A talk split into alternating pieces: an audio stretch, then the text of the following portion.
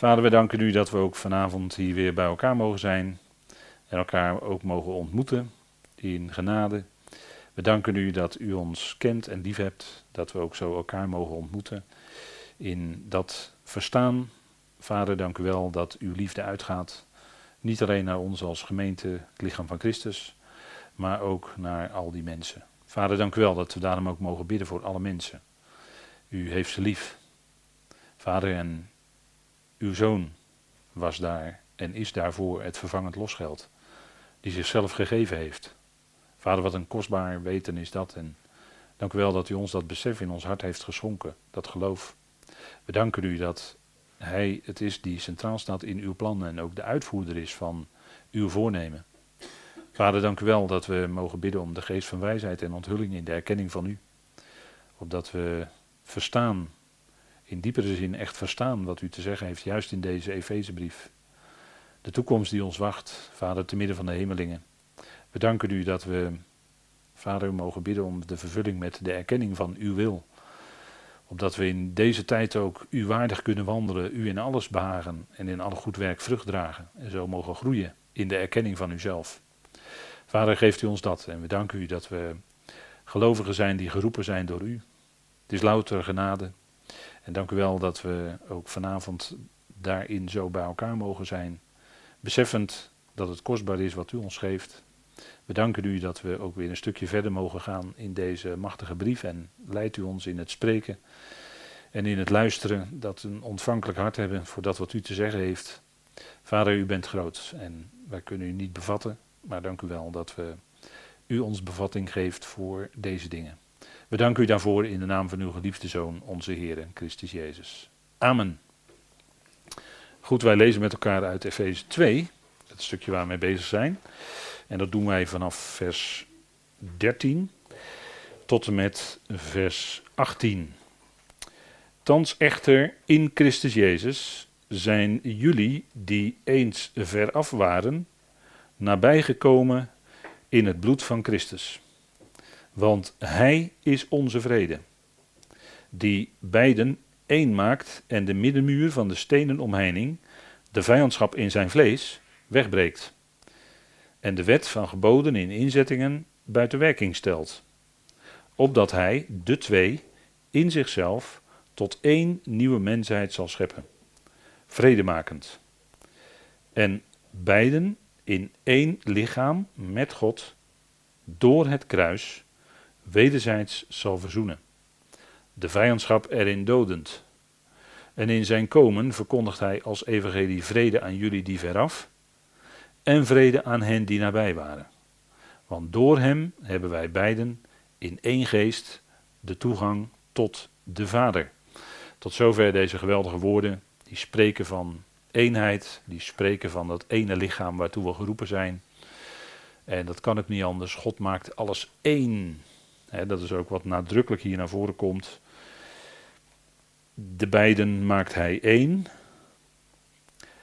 We zijn nabijgekomen door het bloed van Christus. Hij is onze vrede die de beiden één maakt. Nadrukkelijk hè. En ook aan het einde van het stukje dat we net lazen hebben wij in één geest toegang tot de Vader. En dat is ook wat later in het vierde hoofdstuk ook voor onze wandel klinkt. Dat er één geest is en ook één lichaam. Moet je maar goed over nadenken waarom Paulus dat zo zegt voor onze wandel, voor ons gedrag. Eén lichaam. En er is ook maar één doop. Geen twee. Er is één doop en dat is de doop in de geest. Anders, anders is het niet. Dat is Efeze 4. Daar kun je niet omheen. Zo is dat. En de Heer verkondigt in dit stukje vrede.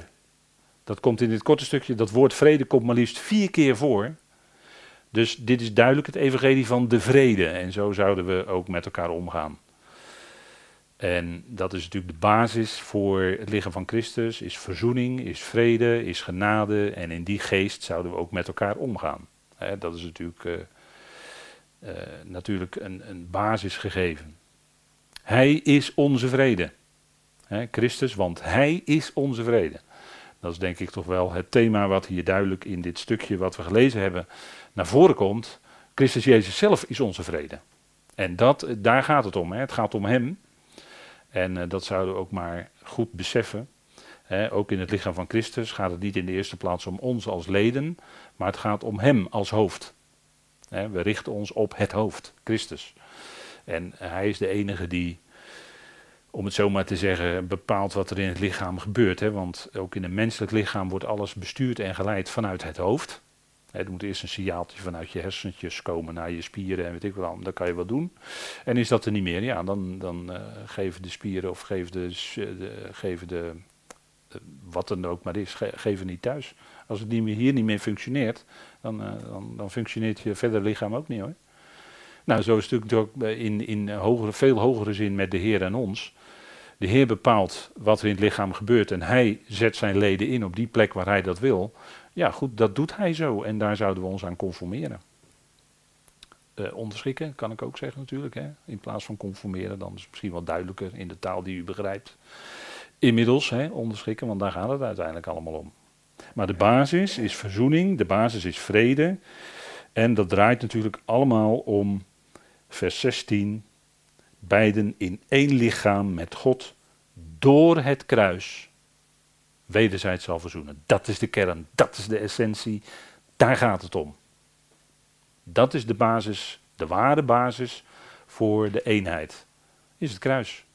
En als u uh, daarover meer wil lezen, een aantal nummers terug van de UR, UR Nederlands bedoel ik dan, is daar ook een artikel over verschenen. Eenheid die gebaseerd is op het kruis. En als u daar meer over wil weten, dan raad ik u dringend aan dat artikel eens te lezen, want dat geeft uh, nader inzicht hoe dat zit. En Paulus zegt het hier ook. Hè? Hij is onze vrede, dat is denk ik wel een heel belangrijk punt. Hè? En we hebben de vorige keer ook deze, u heeft deze ook de vorige keer gezien, even de structuur van dit stukje, Efeze 2 vers 11 tot en met 18. En we zien dus in het begin, hebben we nadrukkelijk bij stilgestaan, de positie van de natie in het vlees in die era, terwijl ze tegelijkertijd ook gelovigen waren en wel degelijk toegang hadden tot de Vader. Dat was dan misschien moeilijk te begrijpen. Maar in het vlees hadden ze geen toegang tot hè, de zorg. Maar daar komen we vanavond ook nog wel verder over te spreken met elkaar. Dus dat was best wel een moeilijk stukje. Dus misschien moet u die avond nog maar eens herluisteren. Als u uh, dat, dat wat dieper wil verstaan. Maar dat in vlees, hè, wat dat twee keer klinkt in het begin, dat staat tegenover wat aan het einde van het stukje klinkt en dat is in geest. En dat wijst op een enorme verandering. En in geest is er helemaal geen sprake meer van verdeeldheid. Verdeeldheid is er altijd in het vlees. Uh, als, u dat wil, als u dat wil, duidelijk geïllustreerd wil zien, dan zou ik zeggen, neemt u eens een kijkje in de wereld om u heen van vandaag. En telt u eens even op in welke landen er nu allemaal een conflict is, waar verdeeldheid is. In Israël worden weer zoveel raketten, zijn er gisteren weer uh, bijna 500 raketten afgeschoten vanaf Gaza. Nou ja, die gingen allemaal poef, poef, poef gingen ze uit. Hè.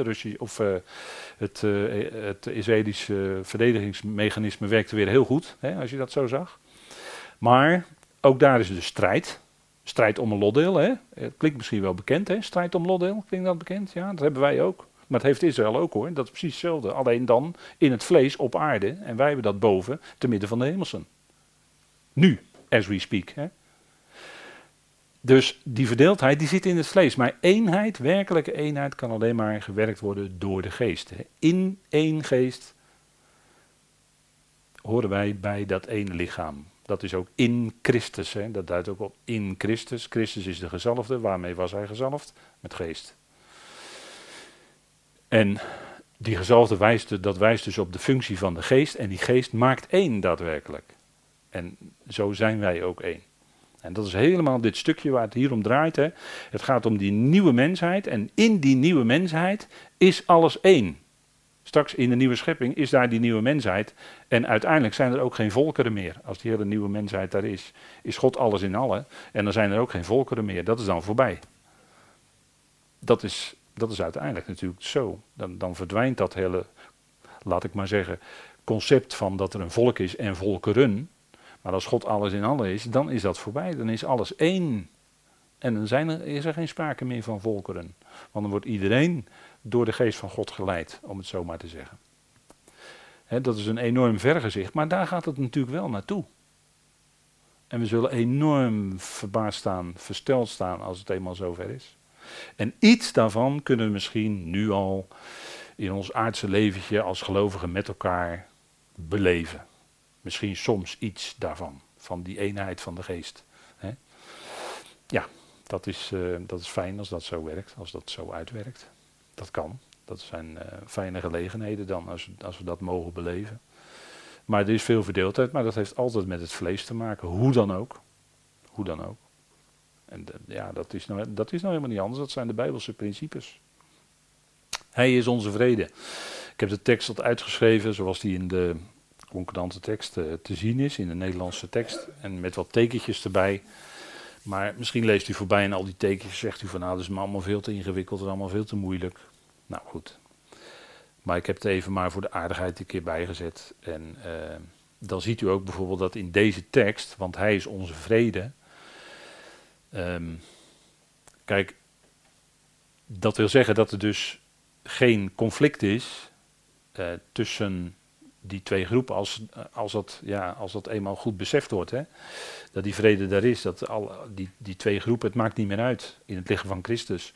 Of je, uh, waar je van afstamt, dat doet helemaal niet meer ter zake.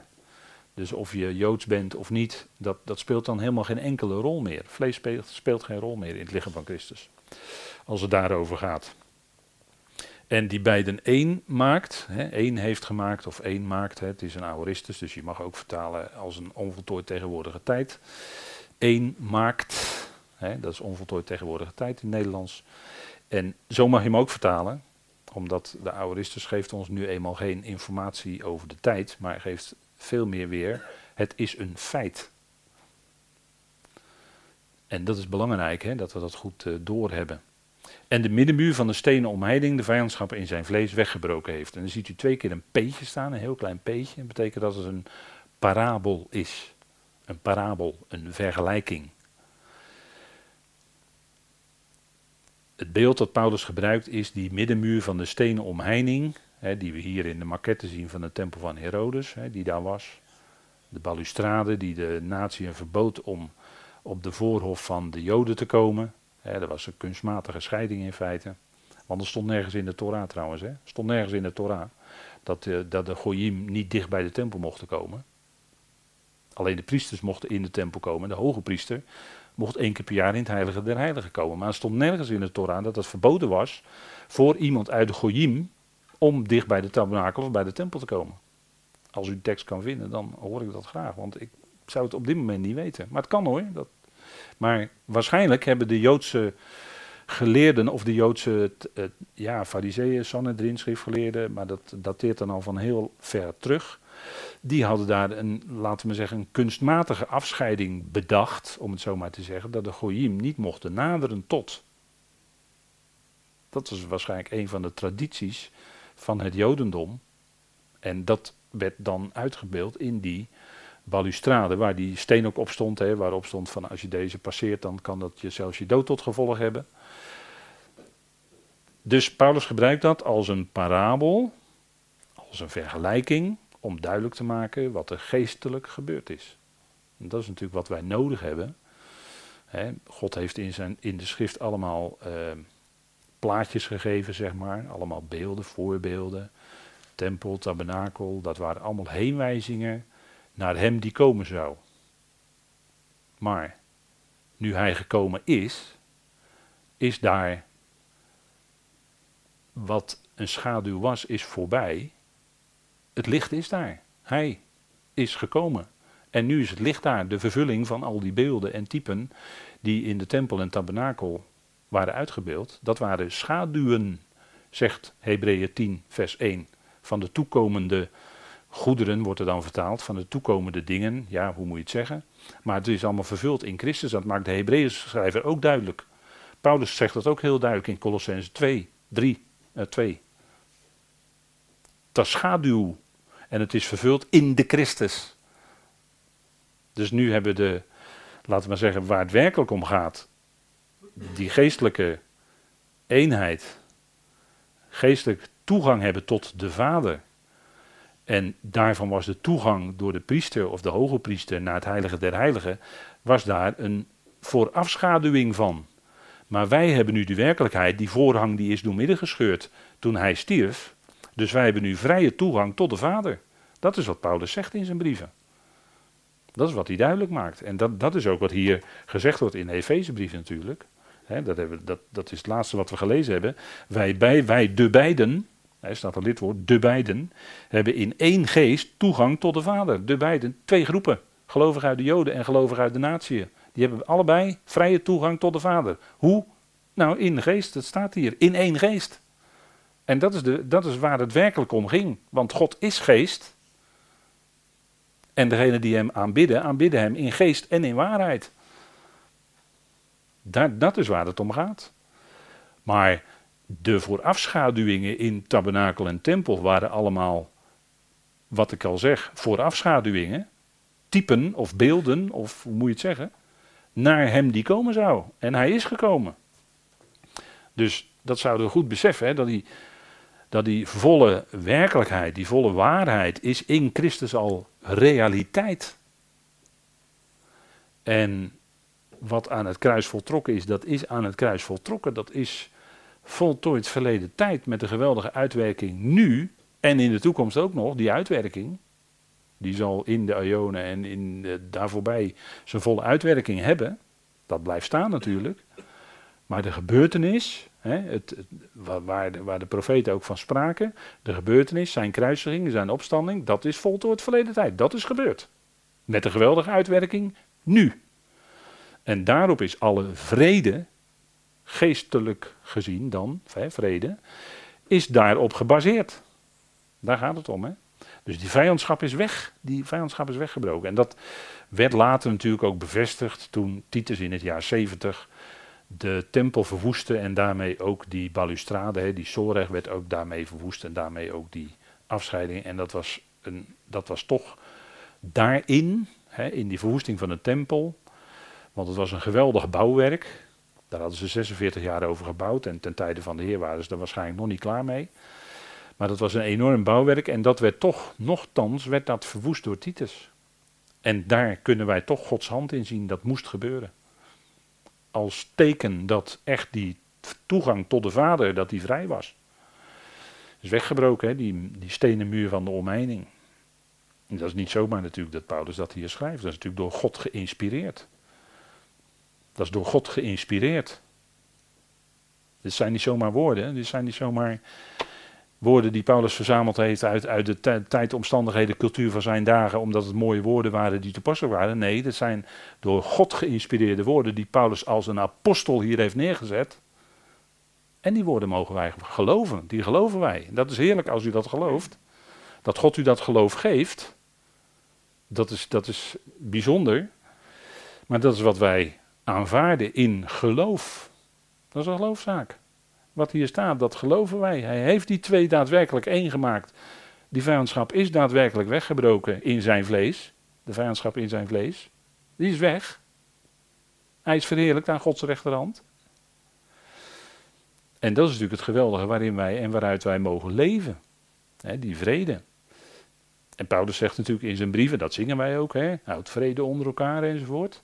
Wijst Paulus de gelovigen ook op voor ons dagelijkse wandel. Hè. Het is verzoening, het is vrede, dus dat, zouden wij, dat zou ons gedrag ademen, die vrede, die verzoening, hè, dat uitdragen. Nou, bijzonder denk ik toch wel wat er staat. Hè. Kijk, Christus maakt vrede tussen twee groepen, daar gaat het hier om.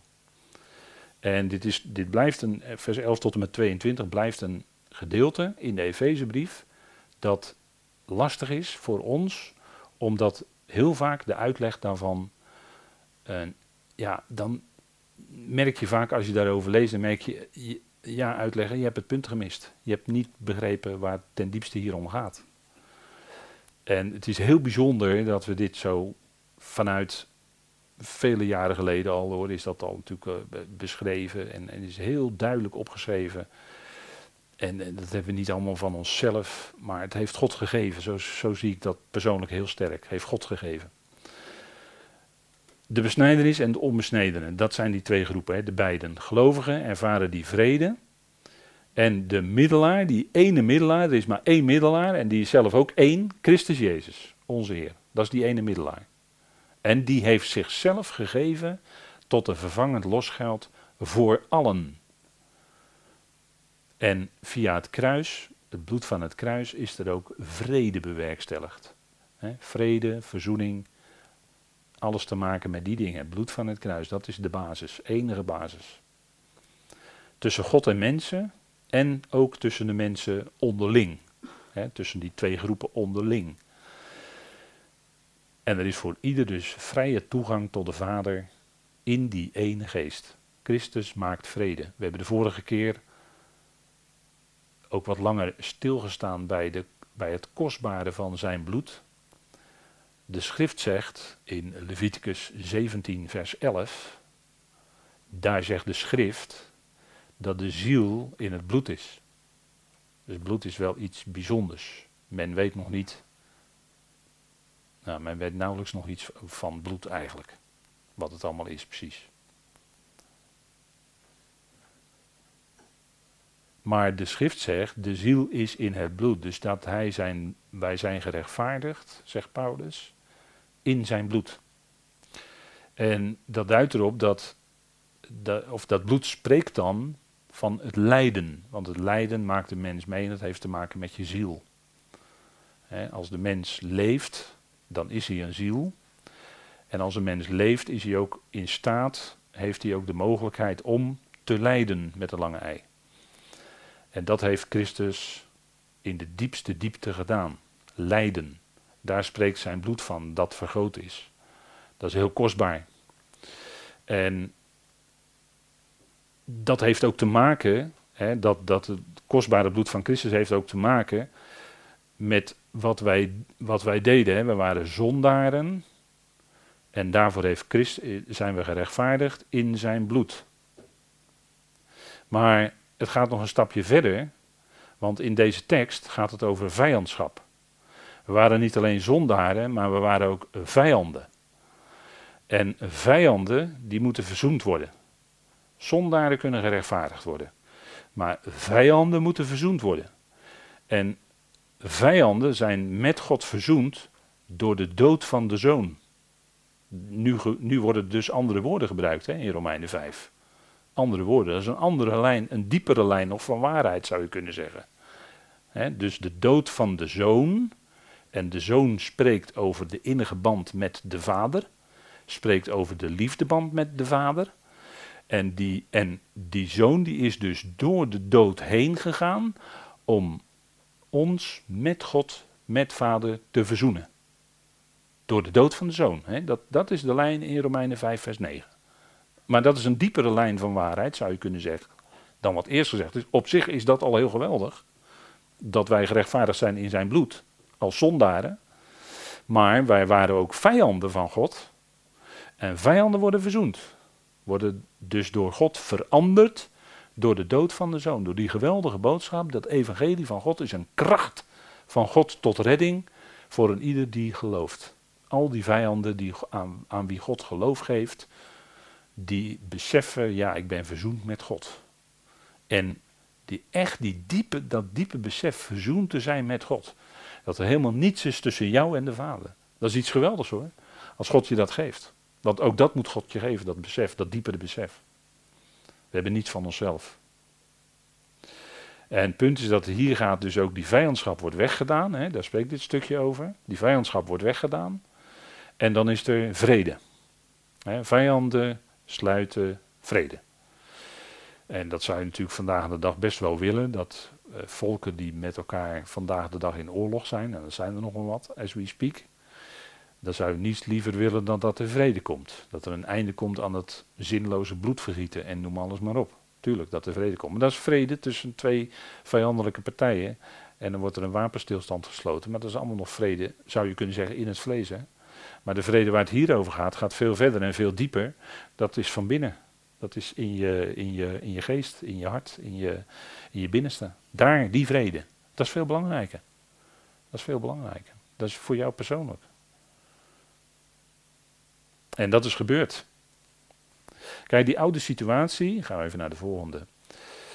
Er wordt twee keer hier gesproken in een stukje over het woord vijandschap. De vijandschap in zijn vlees. En in vers 16 hebben we gelezen de vijandschap erin dodend. dus er wordt twee keer gesproken hier over vijandschap. En daar is dus door zijn kruisiging een einde aan gemaakt.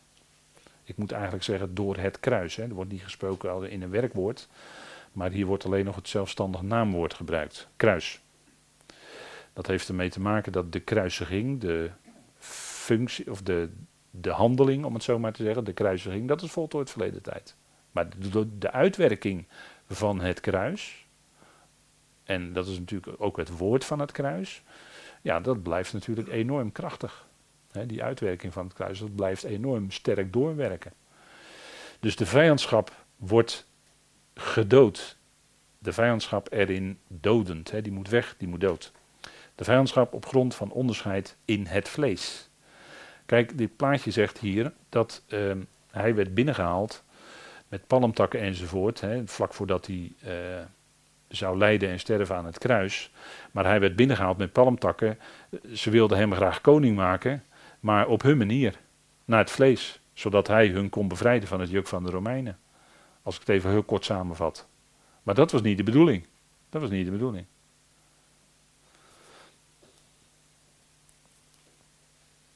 Kijk, als je de schrift leest, dan moet je afvragen waar gaat het nou over. En dat deed die Kamerling, dat hebben we met elkaar behandeld hè, in, eh, in, eh, in Handelingen 8. Die uh, uit, uh, van Kandase, of Kandake, die, die las Jezaja 53. En die vroeg zich af, waar gaat dit over? Of over wie gaat dit? En dan zeggen wij, ja, dat gaat natuurlijk over de Heer. Maar dat was voor die Kamerling helemaal niet duidelijk.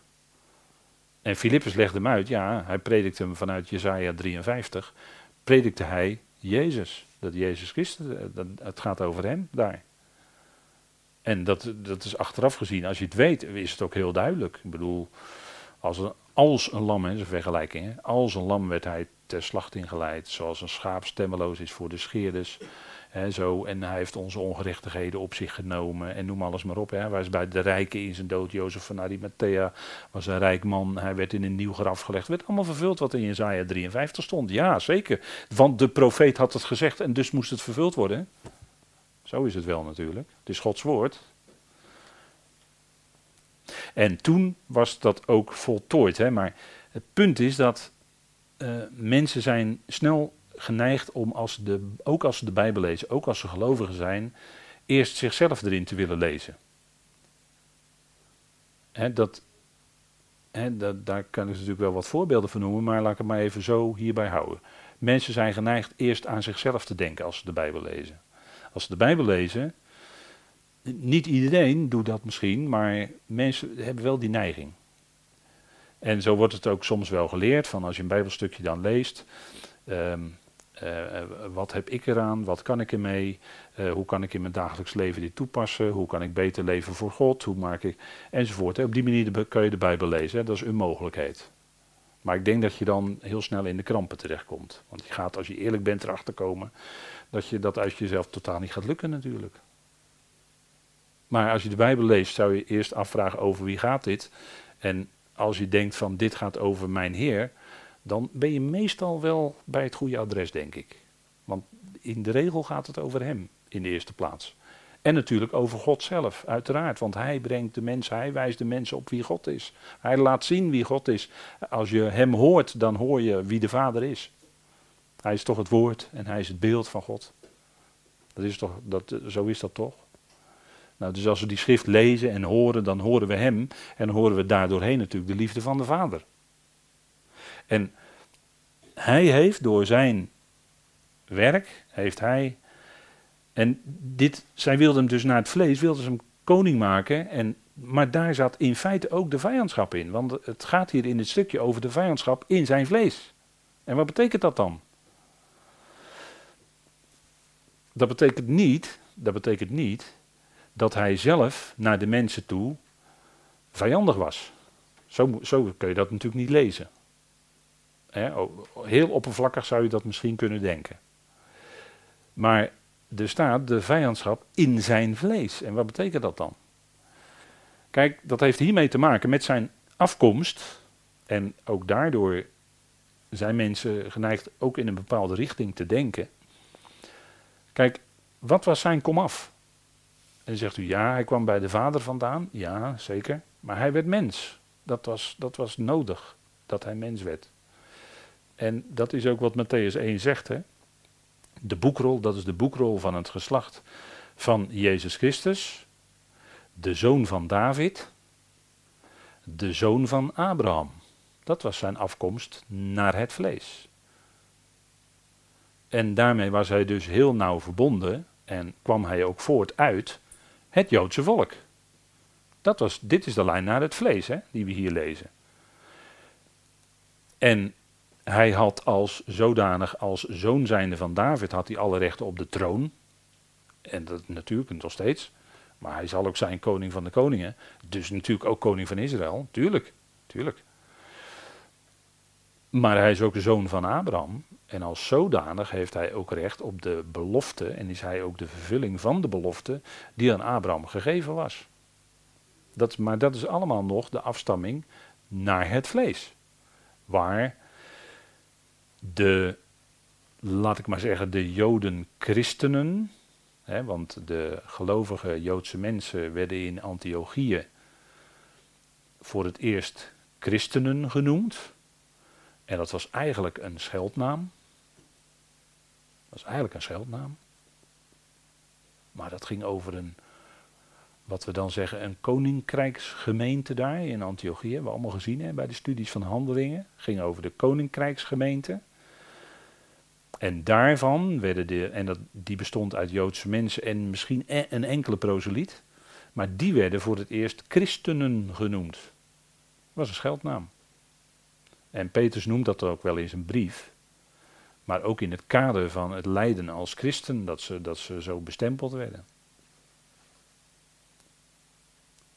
Maar die, die groep, die Joodse mensen die vanaf handelingen 2 zeg maar geloofden, die allemaal hoorden bij de koninkrijksgemeente, die konden zich terecht beroepen op het feit dat zij ook naar het vlees met de Heer Jezus Christus verbonden waren. Dat was terecht. Maar daarin zat tegelijkertijd een stuk vijandschap opgesloten in die zin dat zij hoorden bij het volk Israël. Ja, en die anderen waren wel gelovigen, maar waren toch van de Goyim, waren toch van de natieën. En Israël stond op, in, eh, weliswaar in het vlees, wel op een hoger plan. Hebben ze gelijk. Hebben ze gelijk. En dus daarin zat een stuk vijandschap, maar Kijk, het punt was dat de Heer zei, ook toen hij die vrouw ontmoette, sprak hij niet met haar in eerste instantie. En zijn reactie was, toen zij naar hem vroeg, dat was een buitenland, vrouw uit, uit uh, buiten Israël. Toen zei hij ook in Matthäus 15, vers 24: Ik ben niet gezonden dan tot de verloren schapen van het huis Israëls. Dat was zijn missie, dat was zijn zending. Daar, daar, daar lezen we over in de Evangelie. En natuurlijk, kijk, zijn ontferming, zijn bewogenheid over mensen, ja, natuurlijk. He, ons hart is ook bewogen over de medemens, over andere mensen die we ontmoeten, die het moeilijk hebben. Die ontferming, ja, dat kennen wij ook.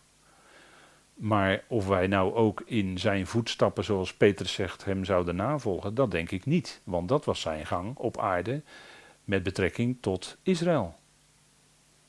En die missie hebben wij niet. Wij, wij zijn van een hele andere orde, denk ik, toch. Paulus bevestigt dat in Romeinen 15. Want ik zeg, zegt Paulus, dat Christus dienaar geworden is van de besnijdenis. ter wille van de waarheid van God. En wat is die waarheid van God hier? Nou, om de beloften van de vaderen te bevestigen. De beloften die gedaan werden aan Abraham, Isaac en Jacob. Dat was de waarheid van God, dat waren ware beloften van God. En die vervulde hij. Dat is, dat is een belangrijk gegeven, hè? En dat bevestigt dus wat hij zelf zei over zijn eigen missie in Matthäus 15. Ik ben niet gezonden dan tot de verloren schapen van het huisje van Israël. En zo konden die gelovigen, want daar, daar wees Paulus eerst op, hoe het voorheen was. Hij zegt, jullie, waren, jullie uit de natie waren in die era. En hoe was dan de plaats van die, al die gelovigen uit Israël in die era? Nou, die wisten zich verbonden met de Heer Jezus ook naar het vlees. En op, op basis daarvan hadden zij, meenden zij, hadden zij een bevoorrechte positie boven de gelovigen uit de volkeren. En daar kwam ook de enorme woede uit voort toen Paulus in Jeruzalem was en toen zij meenden dat hij Trofimus voorbij de zorg had gebracht. Die enorme woede, dat waren Messias beleidende christenjoden. Die geloofden in de Heer Jezus als hun Messias. Daar zat die enorme woede en ze wilden Paulus liefst doden, want ze waren bezig hem te slaan en hij werd net op tijd door de Romeinen ontzet. Dat was vijandschap. Dat was vijandschap. En dat had hiermee te maken. En dat, dat is ook, dat heeft heel sterk te maken met dit hele gedeelte natuurlijk in Efeze 2. Dat die situatie die er toen was, die vijandschap, onderling tussen christenjoden, die echt in Jezus als hun Messias geloven, en mensen uit de natieën die tot geloof waren gekomen, die tegenstelling, die vijandschap, die, uh, die, die onderlinge afstand die er was, dat, dat is hier aan de orde. Dat is, daar, daar, daarvan maakt Paulus duidelijk, kijk, dat is weggedaan door het kruis, die vijandschap. En het gaat niet meer dan om de plaats in het vlees, maar het gaat om je positie in Christus, in de geest dus. En dan is er geen sprake meer van vijandschap, dat is weg. Belangrijk punt hoor. Kijk, Paulus bevestigt dat nog een keer, de afkomst van de Heer naar het vlees, in Romeinen 1. Daar schrijft hij Paulus, een slaaf van Christus Jezus, geroepen apostel, afgezonderd voor het evangelie van God. Hij werd afgezonderd door God, door Christus Jezus. Waartoe? Tot verkondiging van het evangelie van God.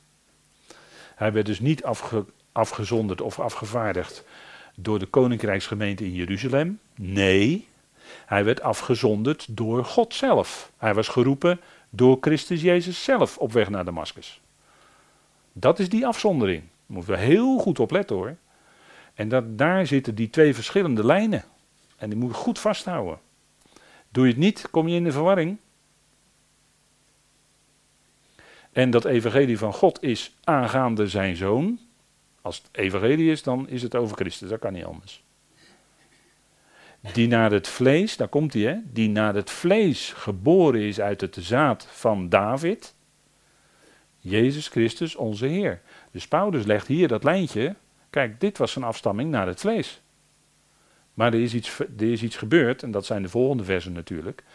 Dat hij naar de geest van heiligheid opgewekt is uit de doden. Wordt er gesproken over opwekking uit de doden. Of dat hij doden opwekte. Maar in ieder geval, dat is een verandering. En wordt gesproken over de geest. Punt, hè? Hij komt daar nog een keer op terug, later, veel later, in zijn laatste brief, wat waarschijnlijk zijn laatste brief is, de tweede Timotheusbrief. En dan zegt hij tegen Timotheus, en dat lijkt voor ons misschien een beetje vreemd, maar toch hè. Hij zegt, herinner je, Timotheus, herinner je Jezus Christus. Die opgewekt is uit de doden. Die uit het zaad van David is. Maar nu komt het verschil in overeenstemming met mijn evangelie. Dus hij zou zich Jezus Christus herinneren. En is het niet zo dat wij misschien soms in het dagelijks leven, en het leven gaat zo zo'n gangetje, en de dagen gaan zo snel, en noem alles maar op, je bent met van alles bezig, en je wordt door van alles afgeleid, en dat dit woord gewoon nodig is. Herinner je Jezus Christus. Hij is echt daadwerkelijk hier mens geworden op aarde. Hij is als men, heeft als mens hier geleefd. En hij is opgewekt uit de doden, maar hij is nog steeds mens. Het is de mens, Christus Jezus. Paulus, 1 Timotheus 2, vers 5 en 6. De mens, Christus Jezus. Bij wie in de opstanding Thomas kon tasten dat het hem echt was. Aan de wonden. Thomas. Wij zeggen altijd ongelovige Thomas. Maar het eind van het liedje was gelovige Thomas. Hè? Dat was het eind van het liedje. Dat is niet. Uh, hè. Maar wel toonde hij dat hij het was. En nu is hij verheerlijkt aan Gods rechterhand. Maar naar het vlees was hij wel degelijk afkomstig uit de lijn van David. Als echt mens heeft hij hier geleefd. Hij is echt gestorven, begraven en opgewekt uit de doden, nu verheerlijkt.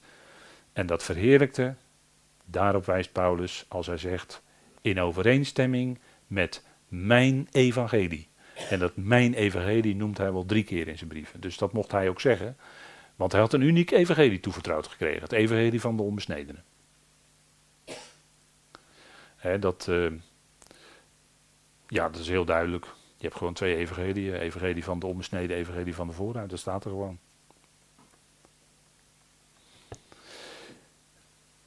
Maar in overeenstemming met mijn evangelie. Dus herinner je Jezus Christus. Hij is mens en hij is uit de doden opgewekt. Timotheus.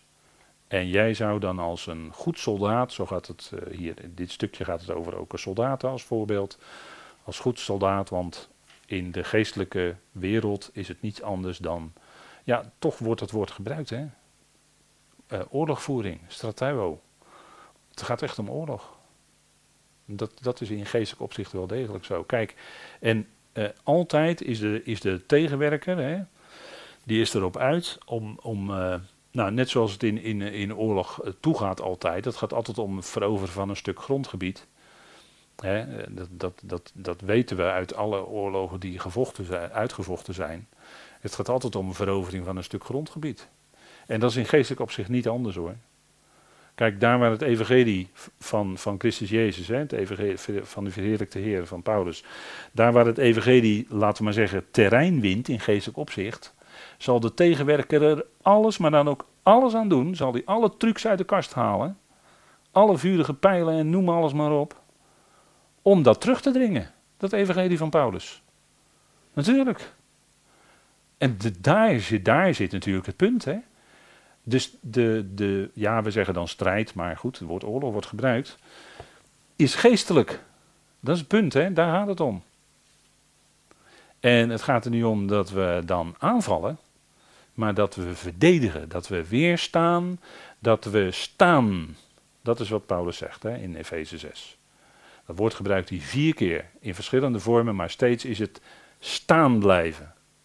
Niet aanvallen, het is verdedigen, maar de tegenwerker zal er alles aan doen om, laten we maar zeggen, eh, wat in, in, in geestelijk opzicht verloren grond, om die zo snel mogelijk weer terug te winnen. Weet u hoe ik dat weet? Nou, leest u de gelaten brief maar.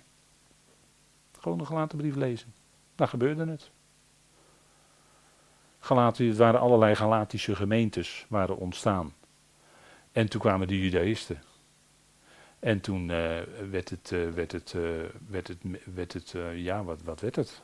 mix, geloof ik, hè? Mix, zoiets. Met dingen door elkaar gemixt. Ja, dan ben je het kwijt.